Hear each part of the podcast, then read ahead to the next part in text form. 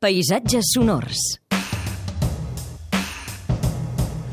Albert Murillo, bon dia. Molt bon dia. Avui als paisatges sonors eh, ens portes un so també molt especial, és un so de cadires volant. Sí, sí, directament. Fa cosa d'un any vaig passar pel costat d'una gestora de borsa que es, traja, es traslladava d'oficines i era molt curiós perquè semblava eh, el darrer dia de la- de l'antiga oficina i una empresa on només hi treballaven nois africans estaven llançant totes les cadires a un camió que semblava de reciclatge.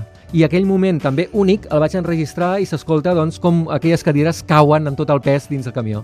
Cadires que volen i cauen dins un camió, diu l'Albert. Ara ho escoltarem. Gràcies, Albert. Fins demà. Gràcies.